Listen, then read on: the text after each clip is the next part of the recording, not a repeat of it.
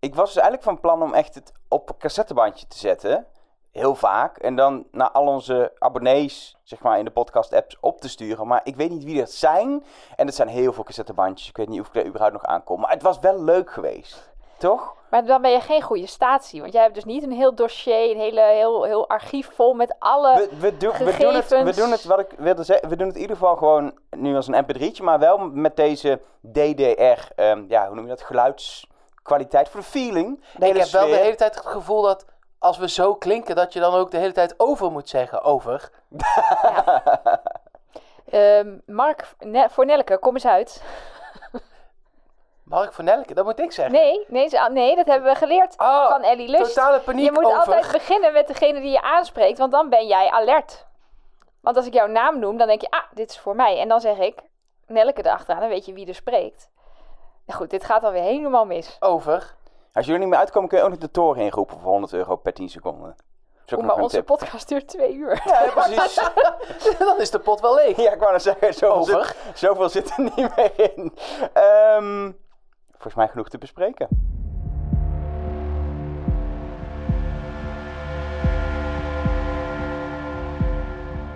Hallo en welkom bij... Oh, wauw. Je klinkt nu gewoon normaal. Ja, ik denk, doe toch maar niet de hele podcast. Oh, lekker. Ik denk dat een aantal luisteraars je dankbaar zullen zijn, Ja. hoor. Ja, Er zijn er drie die hebben al op stop gedrukt. Die, Die hebben dit, dit- punt dit- niet meer bereikt. dit trek ik niet. Ehm, in ieder geval welkom bij Trust Nobody, eh, de podcast over de mol met de one and only, onze eigen spion in de DDR, Nelleke Poorthuis. Met ons geheim agent. Heet hij echt Mark Versteden? Dit zou echt slecht geheim zijn. En in elk geval er wel. Nee, eigenlijk, eigenlijk heet jij Roderick van den Heuvel, denk ik. Dus, dat klinkt wel... Ik vind dat beter klinken. Ja, Roderick van den Heuvel. ik zeg ook maar wat. is niet echt een Duitse naam. nee, maar hij is toch ook geheim agent van de Nederlanders? Is dan, en is hij dan van het verzet of van de NSB? Ja, zo wilde ik jou net noemen. En onze eigen NSB'er Elke van der Wel. En toen deed ik het toch niet. Nee, dat vind Nee. ik dus sympathiek. Ja. Ehm, mag ik even als eerste zeggen, wat fantastisch hoe ze deze aflevering zo hebben ingekleed in het, eh, in het DDR-thema. Ehm, en ook, zelfs dan los daarvan, dat mini-verhaaltje in die vliegopdracht met de reden waarom ze die opdracht had. Ik, deze hele aflevering was zo verhalend goed in elkaar gezet, dat het gewoon jammer is dat er 10.000 euro uit de pot is gegaan. Zeker. Maar kwam ook, want jullie hebben vorige week eh 20 minuten georeerd over Berlijn. Kwam, kwam dat een beetje over, jullie liefde voor Berlijn? Ja, vond ik wel. Ze zaten in, een, eh, in dat loft. Dat zit op de grens volgens mij van Kreuzberg en Neukölln. Dat zijn ook echt Ja, wijken. nee, dat zag je meteen. precies. Nou ja, wij wel. Ik dacht nog, dit is Kreuzberg en daar is uh, Nopflopflop. Ja. Dat is, de, dit is de grens. Maar dat, dat zijn wel de plekken in Berlijn die wij ook leuk vinden. We, we- daar zitten we vaak ook het liefst met een, met een appartementje of een hotelletje. Daar lopen we het meest rond. Dus het was wel echt, en dat is ook Oost-Berlijn, dus dat was ook wel echt ja, de vibe die ik daar heb. En dan gewoon, eigenlijk waren het leukste stukjes nog dat ze dan even Isidor gingen uitlaten. Want dat doe ik, heb dan geen hond, maar dat doe ik dus Jij laat Elger normaal. uit. Ik laat Elger uit normaal. En dan, eh, ja, dus, en dat loft vond ik ook fantastisch. Dus dat eh, ga ik, ook een keer eh, huren. Wel mooi, maar het is geen Schlierzee. hey, maar voordat je allemaal opmerkingen nu krijgt Ja. op de hotline en zo. Kreuzberg is West-Berlijn, hè? Ja? Ja, zoek het even op op je laptopje. Oei. Maar uit mijn hoofd is Kreuzberg is West-Berlijn. Het voelt alleen als Oost-Berlijn. Dat is heel gek in Heb mij. je- heb Zo, je- zo die grens die loopt niet gewoon... Heb je die bel al, eh, Mark? Dan eh, kan ik zo even bellen. Nee, eh, Berlijn-Kreuzberg ligt gewoon netjes in het oosten, toch? Ja, maar in niet fysiek het oosten. Nee, het ligt Oost-Berlijn... in het midden. Ja, maar Oost-Berlijn ligt niet helemaal... Die, Nee, die- dat ligt die, onder de Linde. die grens loopt niet gewoon van, van noord naar zuid, niet het oost en midden. west. Nee, Oh, het is heel ingewikkeld. Oké, Ehm, Nou ja, het voelt als Oost-Berlijn. Mag ik dat zeggen? ja, in ieder geval... Oh ja, ik zie het. En Ja. Neukölln ook. Ja. Maar Friedrichshain is dan weer Oost-Berlijn. precies. zo. eh, maar echt, Wauw. hè? En eh, de, eh, de dingetjes, dat ligt, Charlottenburg. ja, dat ligt is gewoon in- west. het ligt op de muur, ligt dat. Charlottenburg is West-Berlijn. Maar het is niet zo leuk, Charlottenburg. Nee. Nee, maar ik had, Excuses voor deze ik had dwaling. vooral eh, die, die, hele, ja, die hele plek van die eerste opdracht is gewoon fantastisch. Dat is gewoon wel het Berlijn zoals ik het ook ken en zoals ik het ook wel eens even dan opzoek, zeg maar. Want Je moet- bedoelt verlaten en vol met graffiti en street Precies, art. En, vooral eh, ook street art. ja. Ehm, en vooral, ja, ik werd heel blij van die kleine shotjes dat ze dus die kunstwerken gaan fotograferen. Dat ze even met Isidore want Toen dacht ik, ja, ah, ik wil gewoon dat. Geef mij een hond en Berlijn en ik ben blij. Of zonder hond trouwens ook. Geef mij kleine shotjes. Gewoon- en- Nu heb ik dorst. En, en ik, ik zag dus ook het type Berlijnse eh, Vietnamese restaurants waar je gewoon op de grond zit en zo. ja, want we hebben daar ooit gegeten. Ja. Dus het was echt, zelfs dat restaurantje was herkenbaar. Was ja. goed eten? Aanraden? Ja, nee, Ja, zeker. zeker. In Berlijn kun je voor heel weinig geld heel goed eten. Dus wat dat betreft snap ik niet dat jij niet van Berlijn houdt, Mark. Dat weet ik, ik ben er nooit geweest. Het spreekt me gewoon niet aan. We gaan echt een keer naar Berlijn gewoon. ja, ik drieën. weet het. Ik eh, het kom er kan. niet meer onderuit. Ehm, in ieder geval, we gaan het hebben over de aflevering. En ik denk dat we toch, voordat we gewoon, zoals altijd, proberen er chronologisch heen te gaan. Wat Ehm, nooit lukt ook. Nee, maar, nee, we, want jij- jullie slaan altijd dingen over. Dus dan moet ik altijd weer terugspoelen. Want dan wil ik dan nog wat over zeggen. precies. maar we En- moeten het gewoon, om te beginnen, echt even hebben over die... Over, ni- niet per se over de 10.000 euro, maar over het feit dat, dat de mol zich heeft, nou in mijn ogen toch, verlaagd tot zo'n veiling op dit punt in het seizoen. Je In- de mol als in het programma. Ja, want in, in Nederland hebben we er hier heel kritisch over uitgelaten toen in aflevering 5 kandidaten zonder verder opbieden tegen elkaar, maar gewoon anoniem Net als hier, een blinde, Ja. blinde bieding. een ja. blinde bieding mochten doen. En dat de hoogste bieder eh, kreeg daar dan informatie over de volgende opdracht. Nog net iets minder dan een kans op een vrijstelling. Ehm, Maar met die opdracht kon je een vrijstelling verdienen. Als Ja. je die het beste deed. Dat was dan precies. het dingetje. En nou ja, dat was, dat was gewoon niet zo goed. Zeker niet omdat het in aflevering 5 zat. Best wel laat in het seizoen. We zitten hier in aflevering 6. België heeft een aflevering minder dan Nederland. We zitten twee afleveringen voor het einde van het spel. En door die hele veiling staat de pot lager dan aan het einde van aflevering 1. Lager dan aan het einde van aflevering... Het is... Dit, ik vind het niet kunnen. ik vind het ze- gewoon maar niet wat, kunnen. Wat hadden ze verwacht? Hadden ze niet verwacht dat er zoveel geboden zou worden? Of, want de bedragen die er verdiend konden worden dit jaar waren ook echt hoog. Ja. En eh, eh, zeker dingen die verdubbeld konden worden naar 6000 en nog een keer 6000 en 4000. En hup, er werd maar met duizenden gesmeten. Misschien hadden ze verwacht dat de kandidaten het iets beter zouden hebben gedaan op dit punt. Dat de, dat de pot hier op een soort recordhoogte zou staan. Nou, dat was niet zo. Dat hebben we vorige week nog uitgebreid Ja, besproken. Hij maar stond... moet je dan niet een maximum instellen van je Ja. mag bieden tot, tot, zes, Nou tot ja, de helft ik kan van me de ook pot? niet of- voorstellen dat ze ehm, zo naïef zijn om te denken dat er laag wordt geboden. Want vorig jaar begon eh, het seizoen met een bieding voor een vrijstelling. En toen heeft er iemand 10.200 euro geboden. Dus dat, dat weet je dan toch, dat mensen dat er blijkbaar voor over hebben. Ja, en het is af. Ik, als dit, maar dat hebben we in Nederland ook gezegd. Als dit aflevering 3 was geweest, dan had ik dan vond ik het fantastisch. Ja, want dus we gaan later nog wel helemaal in op hoe deze eh, bieding in elkaar zat en de lagen en, en wat je als mol zou doen. Maar gewoon inderdaad, de, de, Jasmin zei in haar exit-interview dat als zij had mogen bieden, ze waarschijnlijk de hele pot had geboden. Dus dat was gewoon, dat risico hebben ze gewoon gelopen door deze opdracht. Ik vind echt dat het de aflevering en het seizoen te kort doet. Want het is, als je die opdracht even weghaalt, dan is dit echt weer een van de betere Ja, seizoenen die ze ooit hebben je, gemaakt. Als je dit element eruit haalt of op een andere manier ja, zou vormgeven met, weet ik veel, een, een, een, een maximum, eh, geen idee. Maar op een iets andere manier waarbij er niet gewoon ongeveer de hele pot eh, kan worden geboden, dan was het gewoon. Het was namelijk wel, en dat zullen we straks ook als we hem inhoudelijk verder bespreken, het was een fucking goede mindfuck opdracht. Hij zat in mijn ogen veel beter in elkaar dan in Nederland. Ja, biedt, gewoon, 100%. biedt gewoon voor de informatie. En ook, ja, we moeten het er straks over hebben, maar ik denk dat als mol kun je nog ook wel iets meer doen. Al is het uiteindelijk natuurlijk zo dat gewoon de kandidaat die het meeste biedt hier hartstikke veel geld uit de pot speelt. en En- Philip Ja. kiest en dat klopt altijd. ja, De- dus dat, maar dan zit dit. Het zat wel echt goed in elkaar. Dat is ook het hele probleem niet. Nee, Het dus daarom probleem- was het prima in aflevering 2 of 3. Dan hadden Ja. we gezegd, wauw, briljant. Ja, want het probleem met, eh, met deze opdracht zo laat in het seizoen is dat je alles wat hiervoor gebeurd is, en dan heb ik het niet eens over eh, thuis eh, meezoeken. Want daarvan weten we, dat is in België gewoon lastiger. Er zitten niet zoveel hints in. Je moet gewoon kijken naar wat er gebeurt. Ze laten heel veel dingen zien. En daaruit moet je dan concluderen wie het is. Ik denk dat wij nog steeds zeer aan de goede kant zitten. Maar daar komen we later pas achter. Je weet niet wat er ondertussen met mij allemaal is gebeurd. Dat is ook wel weer waar. Maar wat, wat ermee gebeurt, ook als kandidaat nu, is dat alles tot nu toe maakt geen ene reet meer uit. Ja, maar dat zeg jij. En dat, dat betwijfel... Daar, ik ben dus heel benieuwd hoe we gaan zien. Want als je een integere mol bent, in mijn ogen... dan maakt het dus... Dan maakt die eh biedingopdracht helemaal niks uit. Dan heb je tot nu toe altijd zo goed mogelijk gemold...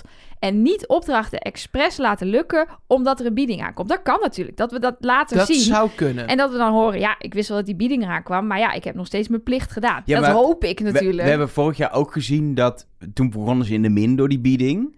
Uiteindelijk natuurlijk, als je het heel sec bekijkt... onder de streep maakt niet uit waar je hem plaatst. Daar is ook 10.000, nou 600 euro zelfs geboden. Dus op de hele pot van het hele seizoen is dat er dan af. Maar je zag wel dat het effect was dat Alina had die 4000 euro, 5000 euro, die bel die ze heeft geluid, misschien niet gedaan als de pot Nee, niet in de Ja, min stond. er is echt een groot verschil tussen de opdracht van vorig jaar en de opdracht van dit jaar. Daar zat wel een maximum aan. Ja. Ja. Die klok begon terug te lopen weer, zeg maar. Of ja, Bart of had, weer het, heen. ja, Bart had het maximum bereikt, of het minimum. was of 15, toch? Ja, Volgens volgens mij. wel, zoiets. En Ja, Nou, toen ging dat was weer terug. ongeveer hier ook het maximum natuurlijk. Want de pot nee, was oké, maar als de, pot 17.000. tach- als de pot nu op 80.000 had gestaan... Je, je weet niet wat de programmamakers dan hadden gedaan, dat weet Nee. ik. Maar nu was er geen... Ja, het maximum was inderdaad ook 15k, Als- maar was denk- het weer leeg. Ik denk als de pot op 80.000 had eh, gestaan, was het minimumbod was 50.000 geweest. Want die pot moet naar beneden, anders zijn ze failliet. Failliet, ja. Nee, ja, het is, eh, het is gewoon niet een opdracht waar wij fan van zijn. Omdat het dus zo Ja, wel, maar dan moet er een is. maximum aan zitten. Ja. Of dan moet er... Ik vind het zo... zo... Nou, en, het neemt gewoon de essentie van en- het spel weg. en er is, Ja. omdat, het, omdat het... Ik hou niet van die blinde bieding. Omdat het puur is op wat zou eventueel iemand anders bieden. En dat heeft een soort versterkend effect. Ehm, wat je natuurlijk wel ziet, is dat Lennart zijn bod ook baseert op... Ja, eh, er heeft al iemand 2000 euro betaald voor één eh, pasvraag... en 5000 euro laten liggen voor vijf. Is ook een Dan- logische beredenering. Ja, maar Ja. Maar uiteindelijk is het toch, weet je, een echte een veiling waarbij je echt kan bieden. Daar is een interactie. Daar heeft de mol in, een interactie. Hier is het, ja, het is letterlijk blind bieden. En dan heb je ook nog het systeem, je kan de ene hoogste kiezen. Is ook altijd heel interessant. Dat heeft ook effect op wat mensen ook wel eens bieden. in Wie is de Mol Hier is gewoon wie het hoogste biedt. Dus als je het zeker wil hebben, bied je 17.600. Wil je het nou, bijna zeker hebben, dan bied je 10.000 of misschien 10.001. Zou ik altijd doen. Dat hebben we Weer- vorig weer seizoen in Nederland ook besproken. Weer twee van die perfect ronde bedragen dat ik denk, dit is sowieso niet handig, maar goed. ja, maar goed. We, we gaan het straks over hebben over die opdracht qua, qua mol en wat er allemaal gebeurt, et cetera. Want volgens mij moeten we wel gewoon even naar het begin van deze aflevering. Überhaupt hoe ze dus in de auto stappen en nou, de DDR inrijden voor het eerst in het seizoen. En dat doen door daadwerkelijk door een checkpoint bij het ijzeren gordijn te ik gaan. dacht dus dat dat al Berlijn was. Maar dat was nog helemaal... Ja, dat was de ondergrens Ja. van, van Oost-Berlijn. Maar effectief... Nee van, nee, van de DDR. Ja, oké. Dat is een verschil, Oh, hè? sorry, ik zei Oost-Berlijn. Ja. Sorry, ik bedoelde DDR. Maar, maar ik, ik was afgeleid omdat ik het zo fantastisch vond dat Annelotte daar riep...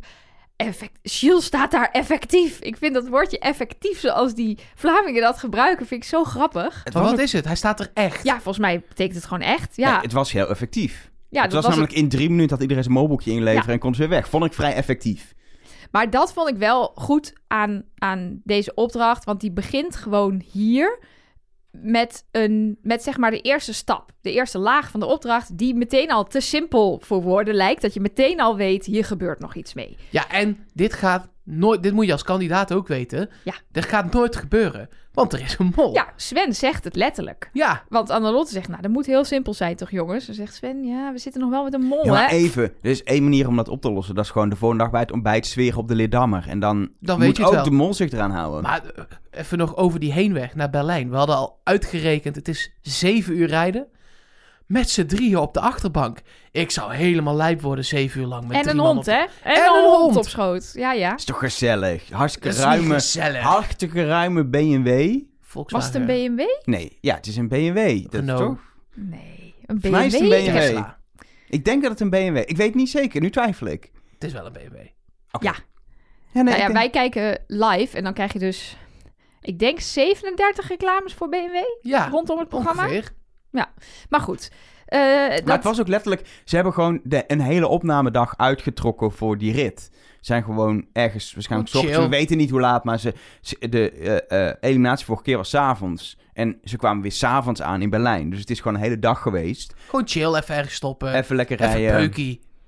Ik weet niet of er iemand rookt van de kandidaten. Dat houden ze er altijd buiten. Ja, precies. Ehm, ondertussen krijg je natuurlijk nog een quote. Dit keer was het een quote van een toch wel vrij bekend persoon. Namelijk John F. Kennedy. Oud-president van de VS. eh, vermoord helaas. Ehm, en hij heeft de gevleugelde... voor podcast? Ga je ons ook een geschiedenisles geven? Hij heeft Oké. ehm, gevleugelde uitspraak gedaan. En het was goed dat dat in Berlijn was en niet in Hamburg. Hij zei namelijk... Ja, zeker. Ik ben een Berliner. Dat we, nee, je snapt hem, hè? Hij valt, hè? Eh, Ja. ja. nee. En Bij als jou je- in ieder geval wel. Als je hem niet snapt, zoek het op. Eh, de uitleg staat in de show notes. jongen, jongen, jongen. Oh, Oké, Ehm, Berliner. nou, S'avonds komen ze aan in Berlijn, in die hippe loft. Daar gaan ze lekker slapen. Dat hebben we verder niet gezien. En in eh, dag 15 komt de zon op in Oh, Berlijn. maar, eh, alvast, die quotes aan het begin. Daar, ik weet zeker, want Ja. dat kwam eh, bij, bij mijn berichtjes binnen. Maar ik heb het gelaten, want ik wist zeker dat Nelke het Ja. straks ook ging hebben. Zit er een hi- hint in? Ja, een en tip? een dikke verborgen hint. dikke tip? Echt Ja. een dikke tip. Even kijken, John F. Kennedy. Nee. Nee, nee, nee, Nee. Laat het gaan. Ik leg het je straks allemaal uit. Oké, dag 15 dus is begonnen. Er wordt ontbeten, er wordt gezweerd op de Lidammer. En vervolgens is het tijd voor de eerste opdracht. Berlijnser wordt het niet. Een verlaten gebouw. Nou, dat ze, ja, ze moesten eerst even foto's maken. Maar dat ging ook zo relaxed. Ga maar foto's maken. Dat ik eerst dacht, is het überhaupt onderdeel van de opdracht? Wat wordt de opdracht van dit is het niet? Eh, ze gingen een street Ja, art dat is een... Dankjewel, doen. 4000 euro verdiend. Ja. En door. Ja, maar het was zo raar, omdat Ja. gewoon de opdracht voelde niet eens begonnen. Maar het was wel de opdracht die ze hadden gekregen om die foto's te maken. Eh, ik denk ook dat de, de bedoeling was dat de mol niet nog zou proberen te mollen met het maken van de foto's. Nee, maar gewoon- alle foto's waren ook gewoon goed en helder en Ja. scherp. En Wie van- weet heeft de mol wel eh, een raampje opengezet. Wow. Dat zou wel vet zijn, maar ik denk het niet. Denk Ik het kan ook niet. zeggen, dan moet je weg van de groep. Moet je dat, dat is wel veel werk. Ik moet heel even plassen. Oh ja. En dat doe je dan drie hoog daar in een, in een eh, woning. Ja, Ja. Dat, dat we straks ook een shot zien dat Philip of Sven of wie dan ook zo uit het raam zou hangen. Zo. Dat zou toch mooi zijn? Ja, het zou Even wel voor mooi de zijn. luisteraars, Elger was heel hard aan het zwaaien. Oh ja, dat is, dit is Ja. een audio-podcast. Dat eh, vergeet ik wel eens. Ehm, nou, vervolgens komt de echte opdracht i- in dat, die verlaten plek. Eh Nelke, jij hebt natuurlijk research gedaan. Waar was dit? Nou, ik heb eigenlijk Emma, onze vriendin in Berlijn, gevraagd... weet jij waar dit was? Maar ze heeft nog geen antwoord gegeven. Deceptie. Ja, Deceptie. nee, wij zeiden ehm, vorige week in de podcast... het leek op de Teufelsberg. Nou, dat dat was het niet. Nee. Dat zagen we ook wel meteen. Dus waar het wel was, ik heb geen idee. Ik dacht ook, het voelt een beetje als... Ja, nu wordt het heel erg Berlijn praat. Maar God, als het, maar echt. als het RAW-gelende. Maar het was, het was te oud en te leeg. Ja, dit, ja, precies. Maar het is een oud industrieachtig iets of zo. Er was in ieder geval een opdracht Oh, met hè? chasers. Met aanvallers. Die, eh, Streetrunners. Street, ja, volgens mij waren het inderdaad van die freerunners-achtige Freerunners. types. Die dan een beetje ook weer eh, door hun kleding en zo een beetje leken als, alsof ze s'nachts in het donkere graffiti spuiten. Nou, helemaal in thema. Ik vond het ook zo heerlijk dat Jules zei... ja, ze gaan jullie pakken. En volgens mij hebben ze er heel veel zin in. Ja. dat zag er ook wel zo uit, ja. Ik zou het ook denken als je, Ja, die, als je, als je hiervoor gevraagd wordt en krijgt uitgelegd. Je denkt, ik ga ze helemaal, helemaal vol spuiten. Gewoon Eh, echt. Ja, ja dat eh, Met ook- Ja, met een groen busje. Met een groen busje. Ehm, de opdracht zelf ja, was dus het zoeken van eh, ehm, eh, de verschillen.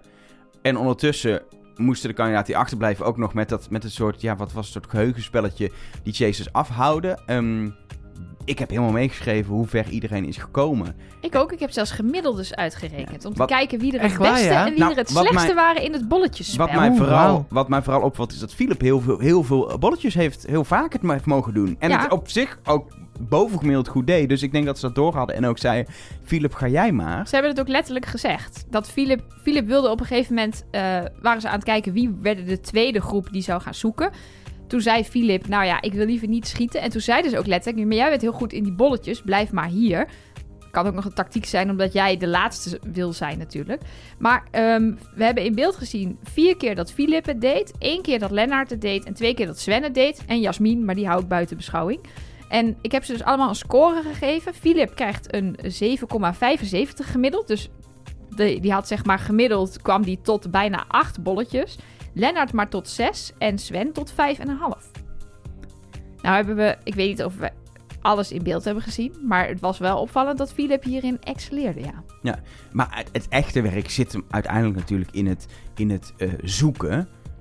Het, het, Het aanduiden van de verschillen, Precies. het vinden van de verschillen. en het is wel lastig, want er zijn eigenlijk twee kandidaten die bijna het hele zoek hebben gedaan. Ja. Zowel aan de zoekkant, maar ook aan de andere kant, aan de walkie-talkie. Eh Annelotte en Jasmin hebben dit spel bijna helemaal gespeeld. Want eh Philip die was vooral aan het, aan het, aan het eh, bolletje spuiten. We hebben gezien dat Lennart en Sven eigenlijk continu de verdedigingslinie waren. Wat in de basis ook gewoon prima ging. Ehm, dus is het heel lastig om, vind ik, de kandidaten te vergelijken. Dan ga je echt inzoomen op Annelotte en Jasmin. Jasmin is er uit. Ja. Dus dan hou je Annelotte over en kun je nog beoordelen, deed Annelotte het nou goed? Nou ja, als je onder de streep kijkt, zes Ja. van de zeven is geraden, dan, dan deed ze het goed. Nou ja, ik kreeg natuurlijk heel vaak eh, van mensen eh, op de hotline en zo ook... Ja, Annelotte en de koortjes van de capuchon.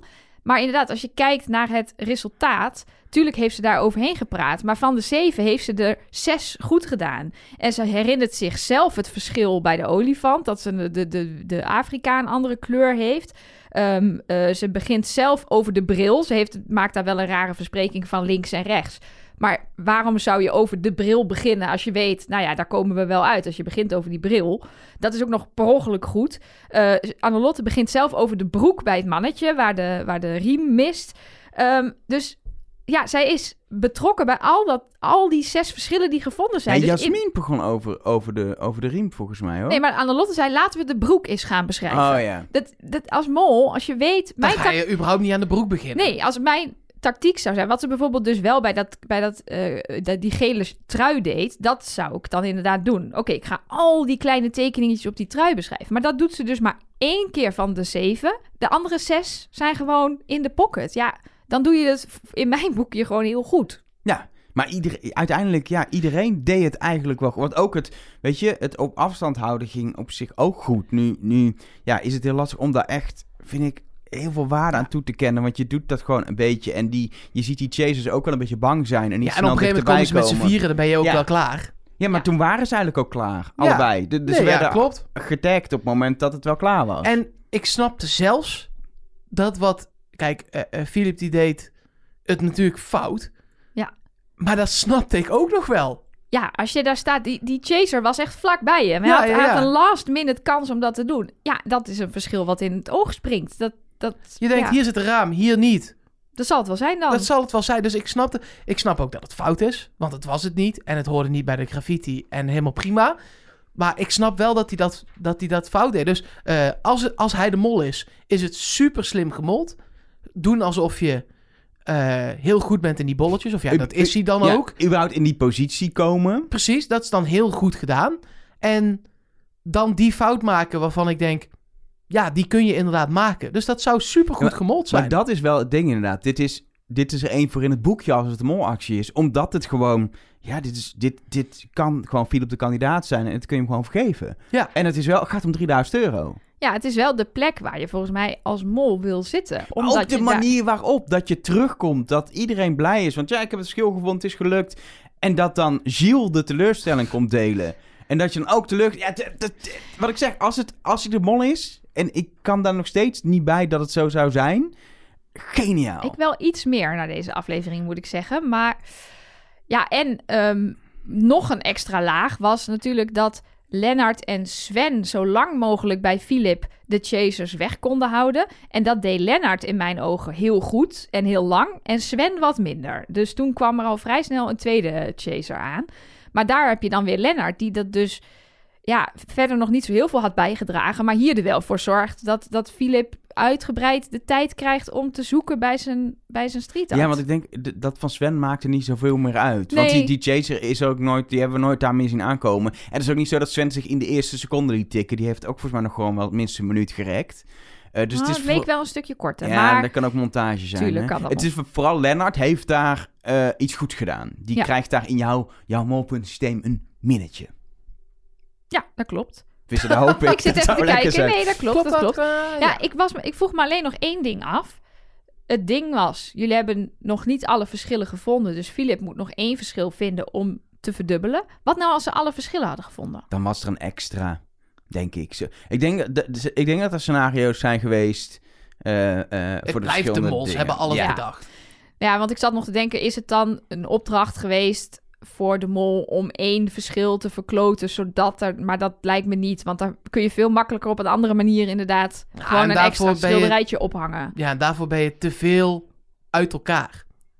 Ja. Je, daar- daarvoor kun je net te weinig de andere groep Ja, dat is best wel een heftige opdracht. Als je de, als mol de opdracht krijgt, zorg dat er één verschil niet wordt gevonden. En je, wordt, je krijgt een gun in je handen gedrukt. En eh, Ja. het is, eh, hier, ga maar schieten. En Annelotte en Jasmin nemen de hele Ja, toko over. Of jij bent de mol en eh, iemand roept, het is de wereldbol. Ja, dan kun je wel zeggen, dat is niet. Maar, Maar, dat is wel. ja, ja, precies. Nee, dus er zal vast een eh, leuk scenario voor hebben gelegen. Ja. Er is genoeg street art om verschillen mee te zoeken in Berlijn. Dus, Precies. eh, De afrekening van deze opdracht is dat er 3000 euro verdiend is. Dat had in totaal 7000 euro kunnen zijn. De pot komt daarmee op 17.600 euro. En het wordt ook even uitgebreid besproken bij het eten. Natuurlijk, ja, ingefluisterde regie. Eh, hoe gaat het met de pot? Praat er maar even over. Dat is ja, duidelijk. blijkbaar want... hebben ze dus een boekhouder. Ja, maar de, de het boek van de boekhouder is weg. Dat heeft hij ingeleverd. zij moet het uit zijn hoofd doen. Precies. Maar in ieder zijn geval... geen hele ingewikkelde Nee, getallen. ook. Maar het mooie is natuurlijk wel, dit is expres dat ze ook, dat ook voor ons als kijken, maar ook voor onszelf, dat het weer eens over de pot gaat, dus over dat geld gaan nadenken. Als opwarmetje, want er moet straks worden, worden ingezet. Ja, ik denk overigens niet dat ze het tot nu toe nooit over de Nee. pot hadden en de boekhouder. Maar ik denk wel dat het er nu pas in zit, omdat het nu voor ons als kijker ook een belangrijke verhaallijn wordt. Want normaal krijgen we natuurlijk die mooie eh, eh, bedragen in beeld. Dat is voor ons genoeg. Dan hoeven we niet daarna nog een, een potgesprek aan, aan het diner. Maar nu wil je, wil je dat de kijker parate kennis heeft op het moment dat die bieding begint over hoeveel er in de pot zit. Want dan kan je die 10.000 euro in vergelijking met de pot stellen en doorhebben dat het belachelijk veel is. Ja, Maar goed. vervolgens gaan ze ehm, ja, allemaal, ehm, ja, zoals het heet dan, dan biechten. Ehm, ze gaan een dagboek opnemen, zoals dat eh, in de voice-over werd gezegd. En daar krijgen ze de kans om in die dossiers te krijgen, kijken. Maar krijgen ze ook al een hint naar de opdracht die gaat komen, namelijk dat eh, verraad wordt beloond. En op dat moment weet je natuurlijk nog niet wat dat verraad dan inhoudt. Maar de conclusie eigenlijk wel, als jij een van je medekandidaten verraadt dat die heeft gekeken, dat dat iets op gaat leveren. Dat is de Ja, conclusie dat- die je wel kan trekken. Maar had jij die conclusie Ja. daar getrokken? Als Oh, ja. jij in die dagboekkamer had gezeten en je weet nog niet, je hebt geen kennis over dat er nog daarna een opdracht komt. wist toch? ik zou denken, niet? het, ik, nee, wel, maar, eh, mijn eerste gedachte was namelijk, het kijken in de dossiers Ja. is het verraad. Ja, nee, dat oh nee, had- ik had meteen door dat het dacht, het verraad gaat over het verraden van anderen. Ja, maar hoe weet, hoe weet jij nou of de anderen hebben gekeken? Ja, dat is, het, dat is het hele spel. Ik dacht meteen, je moet erachter zien te komen of anderen hebben gekeken en dan kun je ze verraden. Nee, En ik dat- had het zelf. Ik was ik niet dacht zo slim. alleen- Ik dacht hetzelfde als Mark. Gewoon, ja, kijken is het verraden van de groep. Want je hebt net allemaal op de leerdammer gesweerd. Oh nee, ik dacht echt, je, dat heeft ook, ik dacht nog, dat heeft ook een nadeel voor diegene. Dus je naait echt die ander, omdat hij heeft gekeken wel, maar ook daar gebeurt iets mee en jij krijgt iets. En hoe dat dan, dat dit die opdracht was aan het einde, geen idee. Maar dat, ik had die conclusie wel meteen getrokken. Want verraad gaat altijd over letterlijk iemand anders een mes in de rug steken. Niet het verraad van de groep. Het verraad is heel direct. Oké, oké. In mijn ogen. Oh, Oké. Ehm, laten we het verder bespreken als we echt de opdracht gaan doen. En laten we eerst doorgaan. Nou, eh, ik- zou toch al wel iets willen zeggen over de volgorde. Ja, wil je en dat nu de- al doen? ja, gaan we het allemaal in dat- stukjes doen? Ik weet het niet. Wat Laten we straks is. alles in Ja. één Oké, keer doen. we eerst het- het vliegen? Pak ik ik snap het dat het onhandig is. Het zat natuurlijk bewust zo in de uitzending. Ja, dat was ook het mooie. Dat het Ja. dus, Ja. De eerste scène gaat hier over, de Maar anders gaan we straks de tweede keer dat we het behandelen... allemaal verwijzen naar wat we de eerste keer hebben gezegd. Ja, oké. Oké. En we hebben het ook al over gehad aan het begin, dan wordt het heel erg gespreid. Dus laten we gewoon even verder gaan naar dag 16, een, een nieuwe dag. Eh Lennart en Jasmin ja, maken dat loopje met Isidor, wat ik graag had gemaakt in, eh, in Berlijn. De rest ontbijt en eh, ze komen terug. En er ligt een brief bij de deur over de geschiedenis van het vliegen. Ik heb het niet meegeschreven hoe de beste man heette. Maar hij heeft zichzelf te pletter gestort van een berg. Dat was eigenlijk de conclusie. Maar dat heeft wel eh, Zo heet het vliegveld ook. Otto Linientaal. Omdat dat... Ja, jij bent daar heel vaak geweest. Heb Ja. je nooit die link gelegd? Nee, Oké. Nou, dat, dat, maar dat het was vliegveld heet toch Tegel? Nee, maar het, het staat, stond... Het was ook in beeld. Het staat heel Ja. groot op de, ik. op de hal. Ehm, ze gaan in ieder Oh, geval... weet ik, ehm, weet, weet ik. eh, Nou weet ik ineens weet weer. een grapje. ze gaan in ieder geval vliegen, Eh, tenminste. Hij lult ook gewoon maar door deze podcast, hè? Heb jij speed op of zo? Nee, ik ben gewoon lekker een podcast aan het maken. En het is een keer 's Als wij ochtends- weg moeten, moet je het gewoon Ja, zeggen. ik dan doe je het gewoon alleen. Het- Ik vind het ook goed. Het is 's ochtends, ik ben nog fris. Normaal is, we nemen wij s'avonds op. Dan Ja, ben dan ik... ben je iets beter te handelen. Nou, kan iemand anders even de opdracht uitleggen? Nee Mark. hoor. Otto Lienthaal is eh, de ontwerper van zweefvliegtuigen. En een van de grondleggers van het vliegtuig, Elger. Ja, Ik maar... dacht dat jij geschiedenislessen ging geven. Nee, de opdracht uitleggen. Nou, er gingen twee mensen in een simulator en de rest ging daarbij helpen op afstand. In een hangar. Maar hoe werd, het, hoe werd het verdeeld? Mensen hebben toch de aflevering gezien, Elger? Ja, maar we moeten het... We moeten het je moet het even... Daarom, kijk, daarom doe ik dit. Je introduceert het even. En dan vervolgens g- stel je ook een vraag. Er werd vervolgens verdeeld wie in welke positie kwam. Doen vandaag. Ja. Ja, en? Ja. En dat is geen vraag. In welke positie wil je terechtkomen als de mol? Maar dat is niet de uitleg van de opdracht. Jij vraagt mij, wil je de opdracht uitleggen? Ja, en dan vervolgens ga, praat je... Dan vroeg je niet of ik dat ook wilde doen. Praat even toe naar de verdeling van de kandidaten, Mark. Nou, de kandidaten werden verdeeld. Maar waar wil je als mol zitten? Kijk, dat is nog eens lekker kort en krachtig. Nelleke heeft dit geanalyseerd. Ehm, Ik vind het mooi dat jij veel vertrouwen hebt in Nelleke, maar dat ze inmiddels al twee keer dat dan niet heeft Nee, precies. Nee. gedaan. Nou, ik heb, dan, ik heb het dan ga ik het zelf maar vertellen en dan krijg ik volgens te horen... Oh, wat praat je veel? Ja, dan moet je het zelf even Ja, voorbereiden, maar hè, ik kom er niet Poorthuis. tussen. Luister dit stukje tape terug. Ik zeg alleen maar... eh, Ah, eh, ah, eh, als een soort kikker. Maar goed, Nelleke. ik heb het zeker Dus geanalyseerd. ik loop dan. nee, Nelleke. Nee. Ik heb het zeker geanalyseerd, maar ik ehm, kwam er nog niet helemaal uit. Kijk, het makkelijkst is vliegen, want wat je ook doet in die opdracht, je crasht uiteindelijk dat vliegtuig en alles is weg. Is gewoon by far het makkelijkst. Maar er is één probleem mee. En dat is Jasmin is naar huis precies. en Lennart is het niet. Nee, dat, heb ik, dat idee heb ik Nee, dus ook. Er is één iemand die het vliegtuig heeft laten crashen. En ze heet Jasmin. Nou, daar heb ik, ik heb eh, drie piloten. We hebben in ieder geval minimaal drie eh, gezagvoerders die naar ons luisteren. Vier, want Axel luistert ook, weet ik, maar daar heb ik niks van gehoord tot nu toe. Die had Met- in die toren moeten zitten. Absoluut. Dat had Dat was echt goed geweest. Dat was echt briljant geweest. Dat appte ook een luisteraar naar de hotline Oh, ja. van... Maakt niet uit, maar dat, die gedachte van deze opdracht was alleen maar beter geweest... als Axel de gezagsvoerder Maar was geweest. dan, Maar- dan, dan mag ik dan even opteren. Dan had je ook in die andere opdracht Bart het verhoor moeten laten doen. Zeker. Ja, maar Gilles deed dat ook wel goed Ja, hoor. dat zijn eh, Ja. kandidaten van eerdere seizoenen, mocht je die Ja. seizoenen niet, eh, niet hebben gezien. En En, deze- Axel is piloot. En deze opdracht had gewoon niet gekund in dat seizoen... met Axel achter de knuppel. Nee, want dat die had was gewoon zo... Ja, la, la, la, Tien minuten la, later la, la, geland la. in Brussel. Ja, Het kan zijn dat ze deze opdracht gewoon al op de plank hadden liggen voor dat seizoen eh, in de voorbereiding. Kwam de kandidaatselectie en dacht nee, dat kan niet meer. Dat kan niet. dacht als we weer een keer in een, in een land zijn waar we toegang hebben tot een vliegsimulator, doen we hem alsnog. Nou, in Berlijn. eh, Ik weet niet of ze in dat. Vietnam toegang tot een vliegsimulator. Tuurlijk, ja, daar tuurlijk. heb je ja, dat ook piloot Ja, dat is waar, sorry. daar stappen ze zonder les zo het vliegtuig in. Die piloten. Succes! Ja, Daar Maar komt dat ook is een soort wel alles- kamikaze komt daar vandaan, dan- hè? Ik zie dan gewoon zo'n vliegtuig voor met, met die, al die Vietnamese tekentjes erop. Maar alles is natuurlijk gewoon in het Engels, ook daar. Maar goed, in, in deel B heb ik dus wat duiding van eh, piloten over hoe moeilijk of hoe makkelijk dit was. Ehm, maar ehm, ja, inderdaad, eh, het vliegtuig crasht. Eh, we zien duidelijk dat Jasmin daar niet het landingsgestel uit eh, klapt en een alarm loopt te negeren. Uit een soort naïef optimisme volgens mij dat het tot nu toe best goed ging. Dus dat ze inmiddels weten hoe het werkt of zo. Ik weet het niet.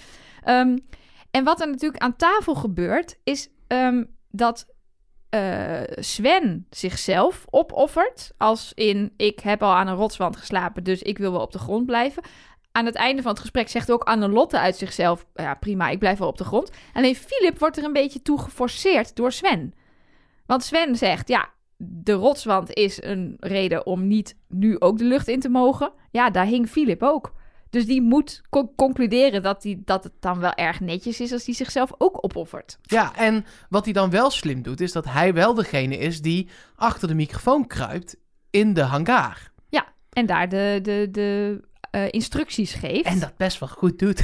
Ja, zeker in het begin. Nou, aan het einde was het wat rommelig. En of het daar nou helemaal goed ging bij die, bij die daling Maar of die landing. Ze ja, hebben nee het dus. echt ruim niet gered ook. Dus al had hij het wel goed Ik, het is denk ik ook heel moeilijk. Ja, Dus, ja eh, inderdaad. Dat zullen we in deel B nog wel horen. Dat het inderdaad niet zo makkelijk is. nee, dus Ehm. eh, dit was gewoon ook wel echt een moeilijke opdracht. Ja, Ja, en ik zit ook ergens op te denken als mol... Je kan inderdaad gewoon dat vliegtuig laten crashen. Dan is het 0 euro. Aan de andere kant speel je zelf dan best wel in de picture. Je bent altijd natuurlijk met iemand samen... waardoor het iets makkelijker wordt om het te doen. Maar het toch wel... Weet je, het, het mollen op de grond is wat subtieler of zo. ja, maar is daar gemold? Want als we even kijken wat daar gebeurde. Sowieso was het natuurlijk een beetje... Wat ik raar vond aan deze opdracht was dat iedereen de kerosine moest gooien.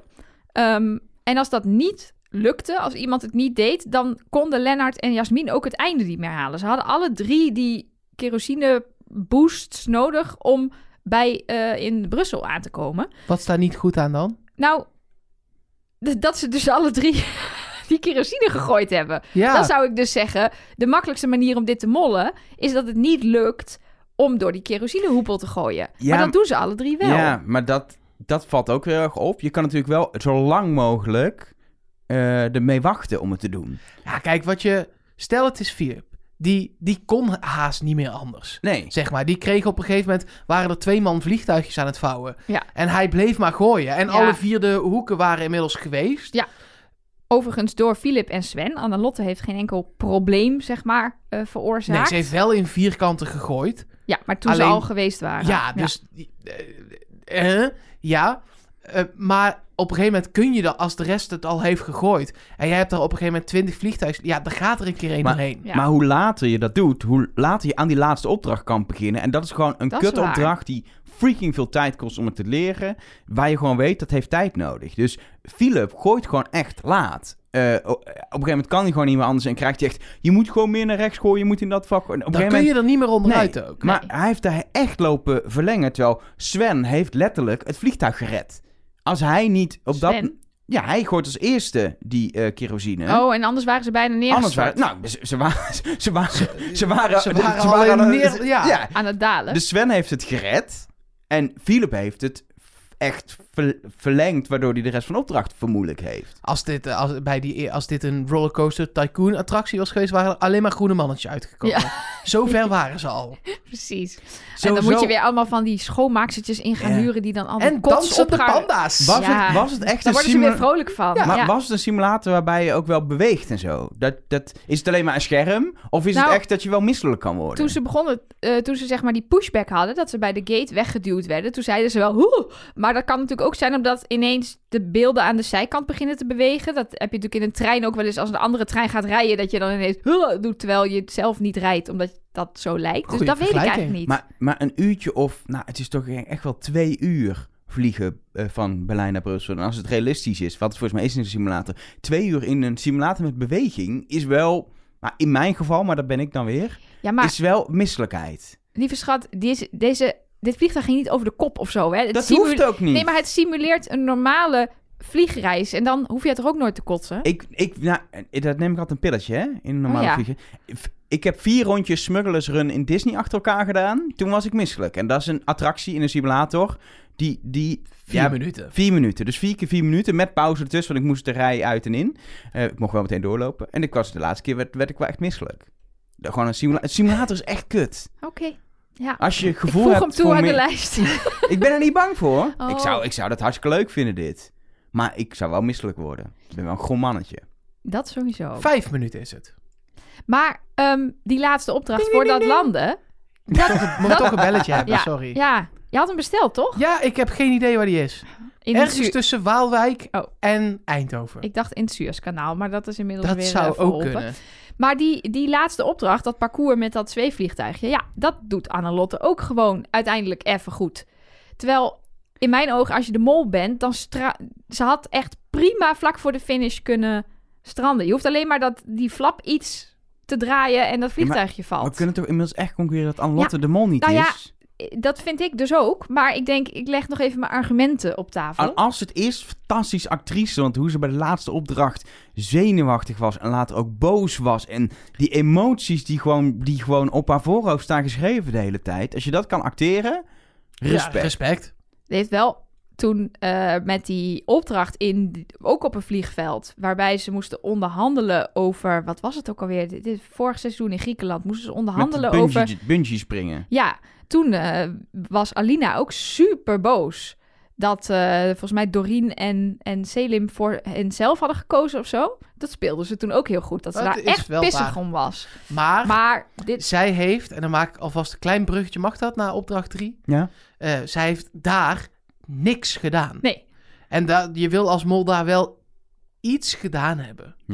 ik zou dan echt het meest teleurgesteld zijn over de biedingopdracht als Annelotte de mol blijkt te zijn. Ja, Omdat ze zeker. inderdaad, er zijn, wat we net ook al zeiden, mogelijkheden voor de mol om hier iets te doen. Om de invloed te hebben op hoe deze opdracht uitpakt. En Annelotte heeft dat niet gedaan. Dus Nee, precies. Ja. Wil je nog afrekening doen trouwens? Sorry, ik sla Ja. je hele... Het is, het is weinig, Ja, maar je De- mag het als je het... in deze opdracht is het lastig zoeken naar de mol, maar er is gemold of niet. Het is gewoon pech. Het was gewoon moeilijk landen. Het enige echt wat je echt kan zeggen, wat, wat echt keihard gewoon een, een, een molactie kunnen zijn, is gewoon het niet inroepen van die toren bij de landing door Lennart. Zou kunnen.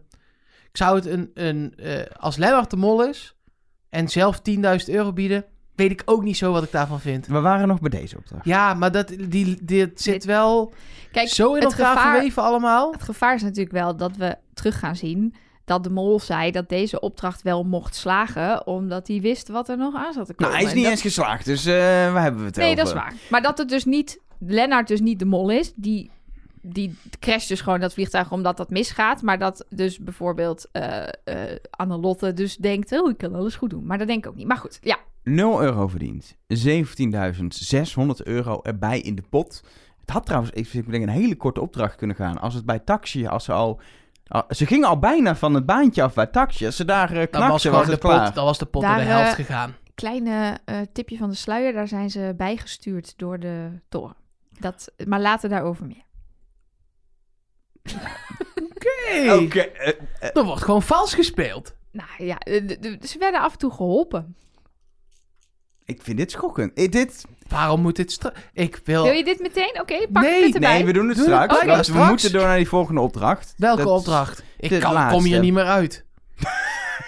Nee, we doen het echt in deel B. Oké. Dit is het pilotenblokje in deel B. Oké, oké. Ehm 0 euro verdiend. Laten we dat gewoon zeggen. 17.600 is er uit te geven in opdracht 3. Ja. Ja. Geholpen? Nee, we moeten echt deze opdracht eerst doen, Mark. Oké. De eerste vraag die we denk ik onszelf hier moeten stellen is: ga je als mol kijken? Want dat is misschien wel. eh, en dat zou. Ik bedoel, we hebben gezien in het seizoen dat. Spoiler alert.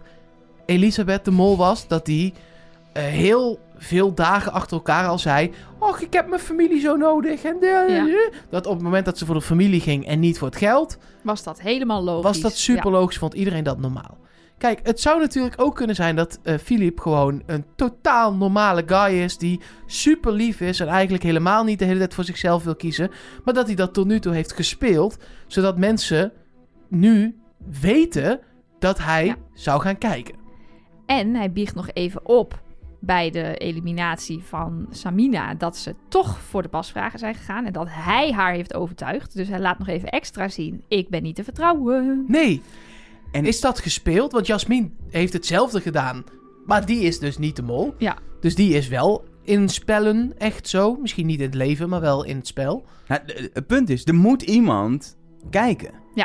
En daarom had ik het net over de volgorde. Want de volgorde waarin ze de bieding hebben gedaan aan het einde, ja, daar kunnen we niet zo heel veel van maken. Dat is helemaal Maar je door weet elkaar het sowieso niet. De volgorde van het eerste deel Ja. weet je omdat ze binnenkomen in een, in een huiskamer. En daar, kijk, daar kan natuurlijk altijd nog. In, in theorie kan daar nog een kamertje tussen hebben gezeten. Dus iedereen zat in een kamertje, werd bij Shield geroepen, werd weer in zijn eigen kamertje gezet en daarna pas in de woonkamer. Maar nee, want nee, je, dat- nee, nee. nee. want dat het lijkt gaat me- erover, je blast lang binnen Ja, of niet. precies. Dus dat is raar. dan is het dus, die, die volgorde is dus interessant. Want ehm Jasmin was de eerste die ging kijken en daarvoor zat Lennart. Lennart heeft niet gekeken. Maar Lennart kon dus ook niet door de productie verteld worden dat er al gekeken was of dat er niemand... En hij heeft niet Jij gekeken. suggereert, om het duidelijk te maken, Ja. de mol zit ergens aan het einde. Nee, Want als er niemand kijkt, moet de mol kijken. niet per se. Want Jasmin keek. En vanaf dat moment kan de mol komen. Want dan weten ze, er heeft iemand gekeken. De mol hoeft niet meer te kijken om deze opdracht te laten mislukken. Om die 4000 euro uit de pot te spelen. En kan misschien op een andere manier in de bieding iets doen. Ik, Alleen ik bij dacht- Lennart kan dat niet. Want die Nee. zit daar als eerste. en Dus als hij die... is niet de mol. Precies, want als hij zegt ik ga niet kijken en daarna zeggen die anderen dat ook allemaal, dan is deze opdracht een beetje niks. Ik dacht letterlijk inderdaad, je gaat de mol laten komen nadat er iemand heeft gekeken. Met als eerste daarna, want dan kan die. En dan valt het ook niet op dat je als laatste is, want de laatste is natuurlijk wel altijd een beetje extra verdacht. Of, of ook omdat de andere kandidaten zien welke volgorde het is, dus die zien ook wie er als laatste komt. Of je gaat als laatste, want dan heb je een soort 70, de mol is als laatste. 70? Safety ding. Oh, ik denk, wat is een 70? Gewoon veiligheid. Ja, nee, ik snap het Ja, woord ik wil, ik daar ook helemaal niet belachelijk maken. Ik kende het woord safety gewoon echt niet, sorry. Safety. Ehm, Veiligheid. Sven is de eerste die naar Jasmin komt en die biedt niet. Dus het zou logisch zijn, de mol kan nu komen en hoeft niet te bieden. Uh, Philip niet, te, is... niet te kijken. niet te je? kijken, sorry. Ja. Niet te kijken. Eh, Philip is de laatste. We hebben ook nog Annelotte, dat kan ook nog. Maar goed, daar hadden we net eigenlijk al een soort Ja. van geconcludeerd dat die de mol niet is. In onze ogen. Uh, Philip is als laatste. Die hoeft niet meer te kijken als mol zijnde. Kijkt wel omdat het gewoon iedereen verwacht dat Philip kijkt. Of hij is de mol niet en wil gewoon echt kijken. Kijk, ik denk dat de strategie... In mijn ogen hebben we hier twee mensen, Philip en Sven... die allebei een molstrategie hebben toegepast... die past bij wie ze zijn. Dus stel, Philip is de mol, dan moet je kijken... want alles wat je tot nu toe hebt gedaan... leidt ertoe dat de kandidaten jou het meest gaan verdenken. Dus dat- zo kan je ervoor zorgen dat uiteindelijk Lennart goed gokt. Want als ze fout hadden gegokt, dan was er nog geen geld uit de pot gegaan. Dus als, als Philip de Mol is, dan kan hij niet de tactiek van Sven toepassen. Want hij moet kijken, want je weet, waarschijnlijk gaat kandidaten mij niet geloven. Hij liegt ook slecht, hij komt ongemakkelijk binnen. Dat zou hij allemaal kunnen spelen natuurlijk. ik ben nog wel benieuwd. Want wij kennen natuurlijk eh Philip niet. En wij kennen Sven ook niet. Het zijn gewoon Ja. random Vlamingen. mensen uit Vlaanderen. Eh, stel, je zit nu te luisteren. En jij hebt ooit les gehad. Oh, van Philip. van Philip, die gewoon docent is. Ehm, is hij zo'n leraar die als een soort verrader ineens met een mondelinge overhoring komt? Of ineens, of is het eigenlijk een super lieve man? Laat het ons alsjeblieft weten. Want dan weten we veel. misschien wat duiding. Heb je wel eens een spel gespeeld? Zat je vroeger bij Philip in een voetbalteam? Hoe fanatiek is die man? Ja, Of gaat hij vooral voor de derde helft? Voor de gezelligheid en de niet zo zoete cosmopolitans? Wat, wat, wat me überhaupt opviel wel, is wat jij net zegt, dat slechte... Het, was slecht geacteerd toen hij terugkwam. Niemand vroeg hem ook wat. Toen zei hij, nee, ik heb gewoon gedaan wat we beloofd Ja. hebben. En het was ongemakkelijk. Maar Ja. ook, ook later, vervolgens natuurlijk de verhoren van Gilles... ehm, waarin er mee, wordt medegedeeld, iemand heeft gekeken, dus 4000 euro uit. Dan kun je de reacties spelen. En Jasmin, die zie je knikken. Heeft iemand gekeken? Ja, daar heeft iemand gekeken. Ja, Ja. hallo, daar ben ik geweest. Tuurlijk heeft er iemand gekeken. Maar bij Philip blijft een beetje de reactie wat vlakker van... Oh, heeft er iemand gekeken? Of ja, ja, oh, ik ben betrapt. Oh, dat weten ze nu. Het is veel moeilijker te lezen wat de reactie is. En dat is eigenlijk in dat hele verhoor bij Philip... is zijn reactie een soort van... Je kan hem zien als een... Ik heb hem twee keer gekeken, expres. Je kan hem zien als Philip de kandidaat. Die gekeken heeft. En dus niet zichzelf in de kaarten wil laten kijken nog. Precies. Nog niet weet hoe dit uit gaat pakken. Nee, precies. Of, en weet dat hij nu dus ook gepakt kan worden... eh, eh, ten overstaan van de groep als iemand hem uitkiest. En je hebt Philip de Mol... die eh, niet mag laten merken dat hij de mol is... en dat hij weet wat er allemaal aan de hand is. dat is toch het hele idee. Ja, Ja, dus... dus Maar je kan, kijk, bij Jasmin kon je heel duidelijk, als je die beelden kijkt, zie je gewoon dat ze daar al weggeeft in hoe ze reageert, dat zij een van de kijkers was. En bij Philip kun je niet lezen of hij een van de kijkers is Ja, oké. in hoe die reageert. Weten we al waar dit was? In een kraakpand. In een kraakpand. In Ja. Langkwiets? Voormalig kraakpand. Voor, ja, Of, dat eh, vertelde Shiel in, de, in de behind the scenes. Klein behind the scenes, weet je nog. Ehm, ze hadden een nieuw gordijn gekocht voor deze. Ze hebben deze hele kamer, was dus een kraakpand. Er stond dus niks in. Dus dat hele DDR-vibeje hebben ze alles zelf gedaan. Je ziet ze echt kasten zagen en die hele set is gebouwd. En dan eh, hebben ze van die trucjes. Ze hadden een nieuw gordijn gekocht, een wit gordijn, een vitrage. Ja, dat kan natuurlijk niet. Dus die zie je dan iemand helemaal inspuiten met modder en dan verfrommelen. En eh, eh, helemaal, ja, ik lijkt me, dat lijkt me zo'n leuk werk om te doen, om sets te bouwen. Ik zie dat ook altijd als ik in een pretpark ben en je ziet zo'n toffe wachtrij of zo. Dan denk ik, oh, dit wil ik bouwen, dit wil ik bedenken en maken. Maar goed, dat terzijde. Ehm, dan hebben we dus nog Sven, die volgens mij ook een strategie heeft toegepast die je als mol kan toepassen. Namelijk, oké, hij zit midden in de volgorde. Jasmin is geweest, dus hij komt daar bij Shiel en hij krijgt te horen, er is eh, gekeken, dus jij hoeft niet meer te kijken. Eh, die 4000 euro is al weg, dus daar heb je toch geen effect meer op. Vervolgens gaat hij daar tegenover alle kandidaten, voordat Philip naar buiten komt, zeggen dat Philip niet te vertrouwen is. Want hij zegt letterlijk, we zijn gecharreld met de flipper van Zwijnaarden. Ik, ik heb dit vertaald naar het Nederlands met, we zijn bedrogen door Philip. Maar ik hoop dat ik het goed begrepen heb. Ehm, dus hij zaait daar al verwarring over eh, dat mensen niet te vertrouwen zijn.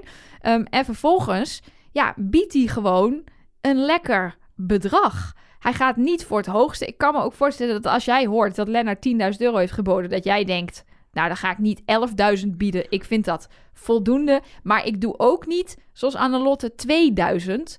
Of de René-manier, zeg maar. Nou, dan bied ik wel echt helemaal niks. Maar die opmerking maakt Sven als iedereen al bij Gilles geweest is en zijn bieding heeft gedaan. Dus hij kan daarmee niet meer de biedingen beïnvloeden. Nee, maar wel dat, eh, dat er dus mensen... Dat je Philip niet moet vertrouwen. Dat je die... Dat je zijn filmpje gaat bekijken Ja, als je het hoogste bod hebt. ja, Ja, hij weet op dat moment volgens mij ook nog niet dat Philip heeft gekeken. Maar Philip is wel...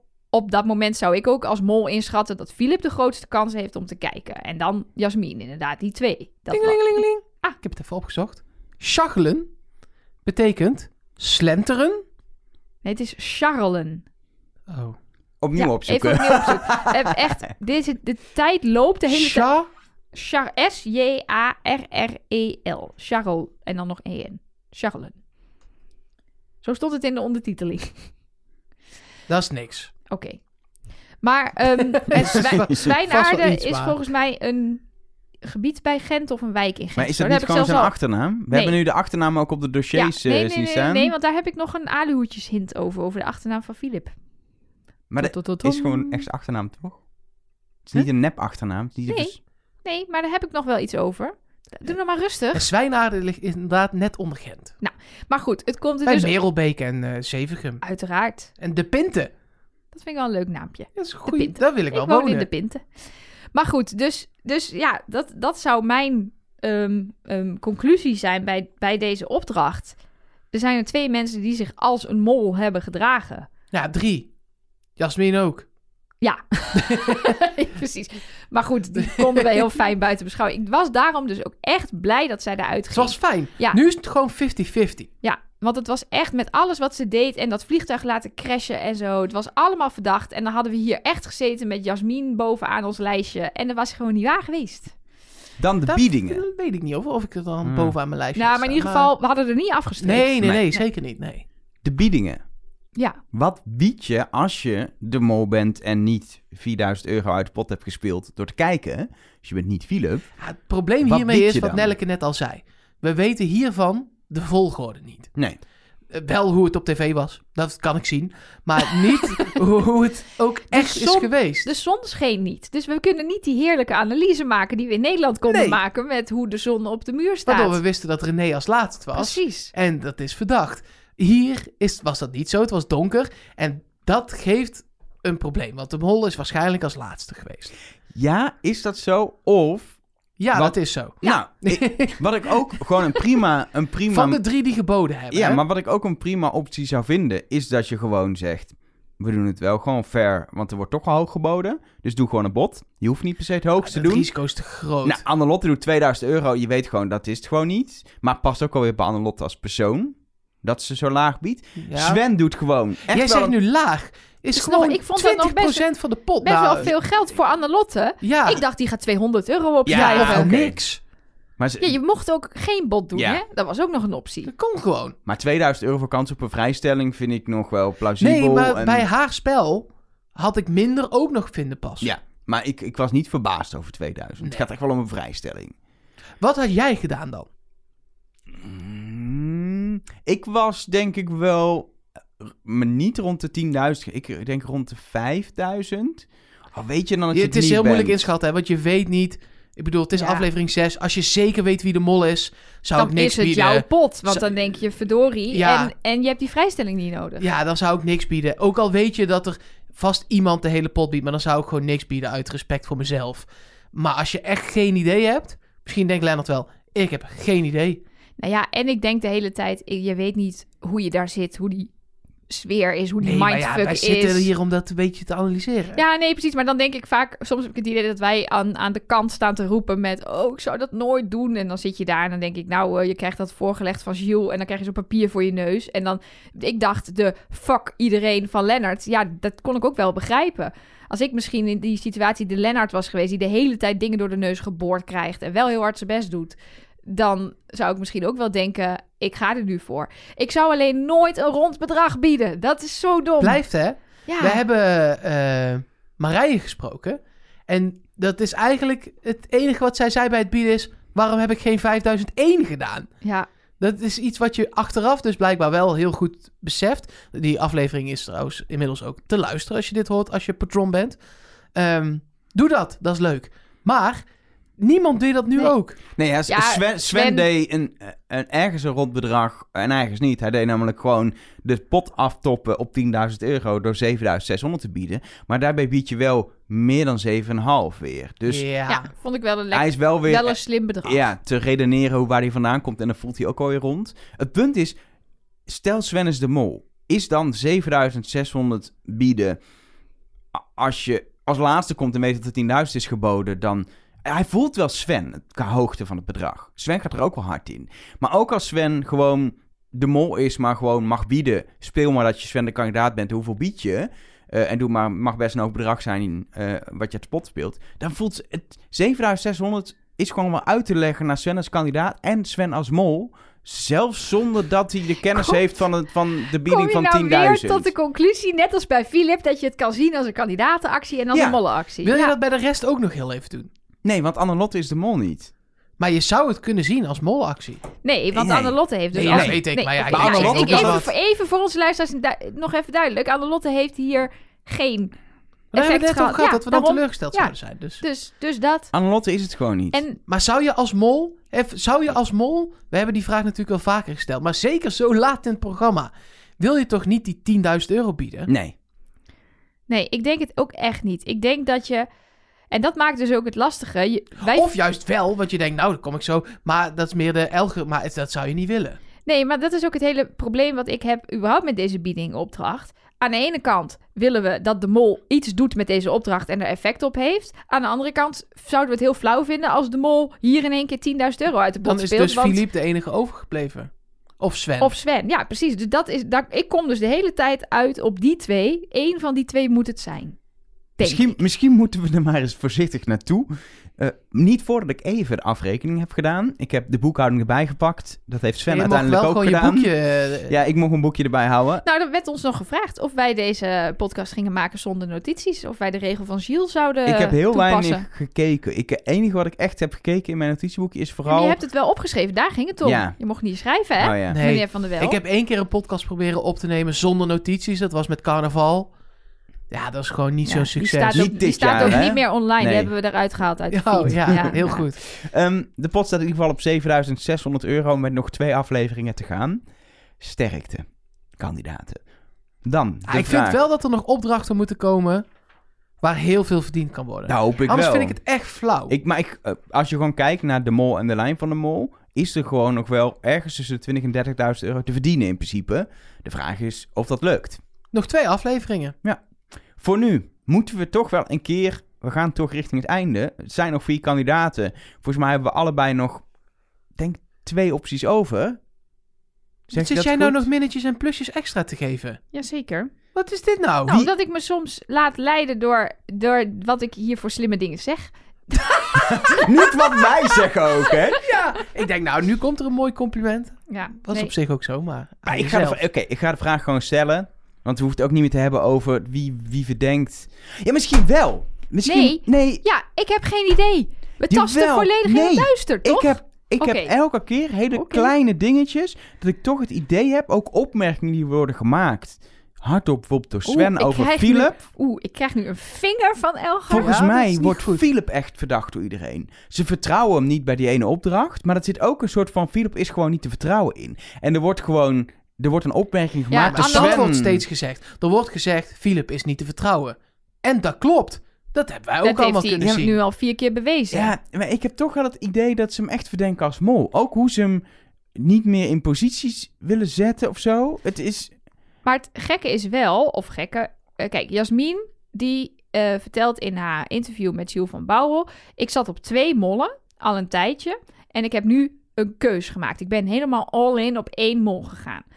Maar ik heb de verkeerde keus gemaakt. Ze is ervan overtuigd dat ze niet gewoon de test het slechtst heeft gemaakt. Dat snap ik ook wel, want zij had die informatie. En er waren vijf à zes vragen, hoorden we, over dat lievelingsgetal. En er stond volgens mij, hou je van wellness? En bij welke jeugdbeweging heb je gezeten en zo? Dat zijn van die vragen. Ja, als je die weet van jouw mol, dan zit je goed. Dus ja, Jasmin is ervan overtuigd. Ik heb gewoon voor de verkeerde mol gekozen. Ehm, en zelfs bij, eh, in het interview zegt ze zelfs nog... Ik dacht dus dat het die ander was, maar nu ik alles terugkijk... denk ik zelfs nog dat het misschien nog iemand anders is. Dus er is nog echt wel onduidelijkheid, in ieder geval bij deze kandidaat. Dus zouden ze dan... Maar Lennart zegt weer, ik heb die vrijstelling nodig, want iedereen zit misschien wel goed... en dan heb ik, maak ik de test het slechtst. Ja, ik heb, ik heb echt dat ze op Philips zitten. Ook omdat, en ik heb nog even opgezocht... Anne-Lotte zegt ook bij het invullen van de test letterlijk... Ze zeggen allemaal, die deed dat, is verdacht. En die deed dat. En oh, ja, die deed volgens dat. Anne-Lotte zegt letterlijk... eh, Philip Molde daar, dat en dat. Dat is iets wat zeker in, in Nederland is het continu... Die is aan het mollen, die is even aan het mollen. In België zeg je dat veel minder. Dat even een kandidaat aan het mollen is. Dat voelt voor mij, en misschien is het een beetje invulling... Maar ik heb echt het gevoel dat het is van je doet die biecht en dan zeg, eh, wordt er gevraagd, wat viel daarop? Ja, het was verdacht dat eh, die dit deed. Maar als het over jouw mol gaat, dus je zegt, ja, hij molde daar nog even 3000 euro eruit. Dus ja, elke keer zijn er kleine, hele kleine dingen waar ik steeds het idee krijg, heel veel mensen verdenken Philip. Als een soort groepsding verdenken ze Philip. De vraag is, Is die de mol? is die de mol of Nou, zit iedereen Zeg verkeerd? het maar.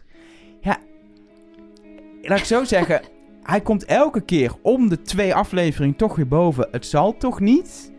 Maar als ik dan gewoon sec naar het molpuntensysteem kijk, dan ja, staat Lennart nog steeds heel hoog. Ook al denk ik dat hij het niet is. En ongeveer even hoog staat nog steeds Sven. Echt veel hoger dan Philip. Dus ik blijf Dus? toch bij Sven. Hé, hé, jezus, dat was een hele bevalling. Ja, Oké, ja, snap ik. Volgende bevalling, Nelke. Ja, nou, mijn molpuntensysteem is echt gewoon... eh, daar kan, kan je, de vorige week kwam ik al tot de conclusie, daar kan je niet zoveel mee. Zet gewoon nog wat extra plusje minnetjes, joh. Nee, ja, nee, deze week kom ik tot de conclusie dat Annelotte onderaan staat met min 1. Ja, en, de, nee. en de rest op 3. Met z'n drieën, alle, alle drie, drie punten. succes. Dus ja, daar schiet ik helemaal niks mee op. Maar inderdaad, ondanks dat ik dus echt denk dat Lennart het niet is, staat hij wel hoog. Ehm, maar ja, hij heeft ook weer, en dat vind ik ook weer opvallend, elke keer krijgt Lennart bij mij weinig plusjes en minnetjes. Dus hier heeft hij bijvoorbeeld één minnetje, één plusje. Een, Heb eh, ik ook. een minnetje omdat hij, ehm, even kijken, een, denk dat hij, even kijken wat, oh ja, een minnetje omdat hij dat renspel goed deed. Maar verder doet hij in die opdracht met die, met die street art, doet hij niet zoveel waarvoor ik hem dingen kan geven. En een plusje omdat hij het vliegtuig heeft laten crashen. Maar die anderen, die hebben allemaal veel meer dingen. Dus daar gaat denk ik in dit systeem iets mis. Dus misschien moet ik ook nog iets met gemiddelde dat het een gemiddelde score is per aflevering. Maar goed, daar ga ik nog over nadenken. Conclusie is eh, dat ik dan dus ook maar bij Sven blijf. En dan misschien ook wel omdat ik dan hoop dat hij het is. Als, als inderdaad alle kandidaten op Philip zitten, dan zou ik het toffer vinden als het dan Sven blijkt te zijn. En ze zitten fout. Ja, Moet ik ook zo'n lang verhaal? Nee, je mag, gewoon, gewoon je mag, zeggen- het ook gewoon je mag zeggen. gewoon Philip zeggen en dan zijn we klaar. Nou ja, maar kijk, eh, eh, Nellekes molpuntensysteem werkt dan misschien eh, niet. Wat dacht je van mijn the money? Nou, Le- Lennart. ja. ja, maar dan zou- moet ik voor Lennart gaan. Want als je het echt sec gaat bekijken... eh, jij zegt het al, hij crasht het vliegtuig. Hij zat erbij bij die honden toen het misging. Hij zit best wel aan veel kanten van de medaille waar het mis eh, is gegaan. Hij had ook het minste geld opgehaald tot aan nu. Mhm. Maar op de een of andere manier wil ik dan mijn eigen systeem... Nou, niet het minste. Sven stond bij mij het minst. Maar hij stond daar heel erg dicht in de buurt. Ik zag iets voorbij komen, ook een, een schema waarbij Lennart... eh, dat zat in een of andere Facebookgroep. Veel minder had dan Sven. Ik was heel benieuwd hoe dat dan... Ja, maar dat is dus het. Ja, daar hebben we het ook natuurlijk over gehad. Het is zo lastig. Follow the money klinkt feitelijk, maar is het niet. Is want je moet de nee. hele tijd dingen verdelen. En ja, Bijvoorbeeld bij die rotswandopdracht geef je daarbij ook geld aan Annelotte en Katrien die binnen zitten. Ja. Ik heb dat wel gedaan, want ze hebben geholpen met die series kijken. Maar als je dat niet doet, dan ligt de verdeling ineens weer heel anders. Ja. Zeker omdat de pot nu relatief laag staat. Ehm, Ik dacht dat jouw verhaal kort zou zijn. Nee, maar ik dat moest is er niet ook een zo. lang verhaal. Oh, oké. ehm, maar uiteindelijk... eh, ja, Philip is wel echt op komen zetten. Maar ik blijf toch ook voor nu bij Sven. oh, wat zijn we weer eensgezind. Ik, ik, ik ben wel meer gaan twijfelen dan vorige week. En we kregen ook een mailtje van een luisteraar. Hoe kan het nou dat jullie de hele aflevering zeggen: we weten het niet, we weten het niet. En uiteindelijk komen jullie wel eensgezind uit op Sven. Maar dat komt omdat we een keus moeten maken. Maar we, het is niet 100% bij mij. Ik durf niet mijn hand in het vuur te steken en te Nee. zeggen: het is Sven. Ik denk alleen. Het is de Het is- meest logische. Of nee, ja, ook Ja. niet eens. Het is de. Ja, het is ook eh, bij Het mij is een weer. Ik roep elk jaar, ik ga nu niet meer uit van wat ik zou willen. Ik ga, ik, mijn, mijn- wensmol, ik neem dat niet mee. En dan toch denk ik, ja, ik zou het vet vinden als het Sven is. Ik zou het ook wel oké vinden als het Philip is. Ik zou het minder cool vinden als het Lennart is. En ik zou het helemaal niet zo leuk vinden als het Anlot is. Niet, want ik vind haar echt een toffe chick. En Ja, hoe ze met die hond omgaat vind ik fantastisch. En het lijkt me echt een hele lieve vrouw. Maar met wat ze doet, Precies. zou niet passen bij wat een mol doet. Nee, Ik heb leuk nieuws. Voor nu gaan we stoppen. Het is mooi geweest. is dat... Yay! Joepie! Maar we zijn zo meteen terug. Met deel B. Met daarin onder andere het pilotenblokje. Met duiding door piloten. We hebben in, eh, denk ik, volgende aflevering ook wel even aandacht voor de vraag... Wie worden de drie finale kandidaten? Ik denk dat we er wel even over kunnen gaan Ik was speculeren. echt verbaasd toen ik ineens in de vooruitblik vier mensen zag zitten en Shiel hoorde over de laatste eliminatie. Toen dacht ik, wat? wat- wat- wat- Oké, we Over zijn daar al aanbeland. Oh. Sterker nog, anderhalve week nu weten we het. Oh. Ehm, we gaan eh, nog veel meer eh, eh, berichtjes, eh, hints, theorieën, eh, alles wat je nog wil, wil weten en wat wij nog gaan bespreken, En zit alles allemaal wat je in deel, niet wil weten trouwens. zit allemaal in deel B. Dus ik zou zeggen, luister lekker door of ga eerst iets anders doen met je dag en luister later. We zijn in ieder geval gewoon terug in je favoriete podcast app. Oh ja. was vijf en een half jaar, joh. Maakt jou het uit. Trust nobody.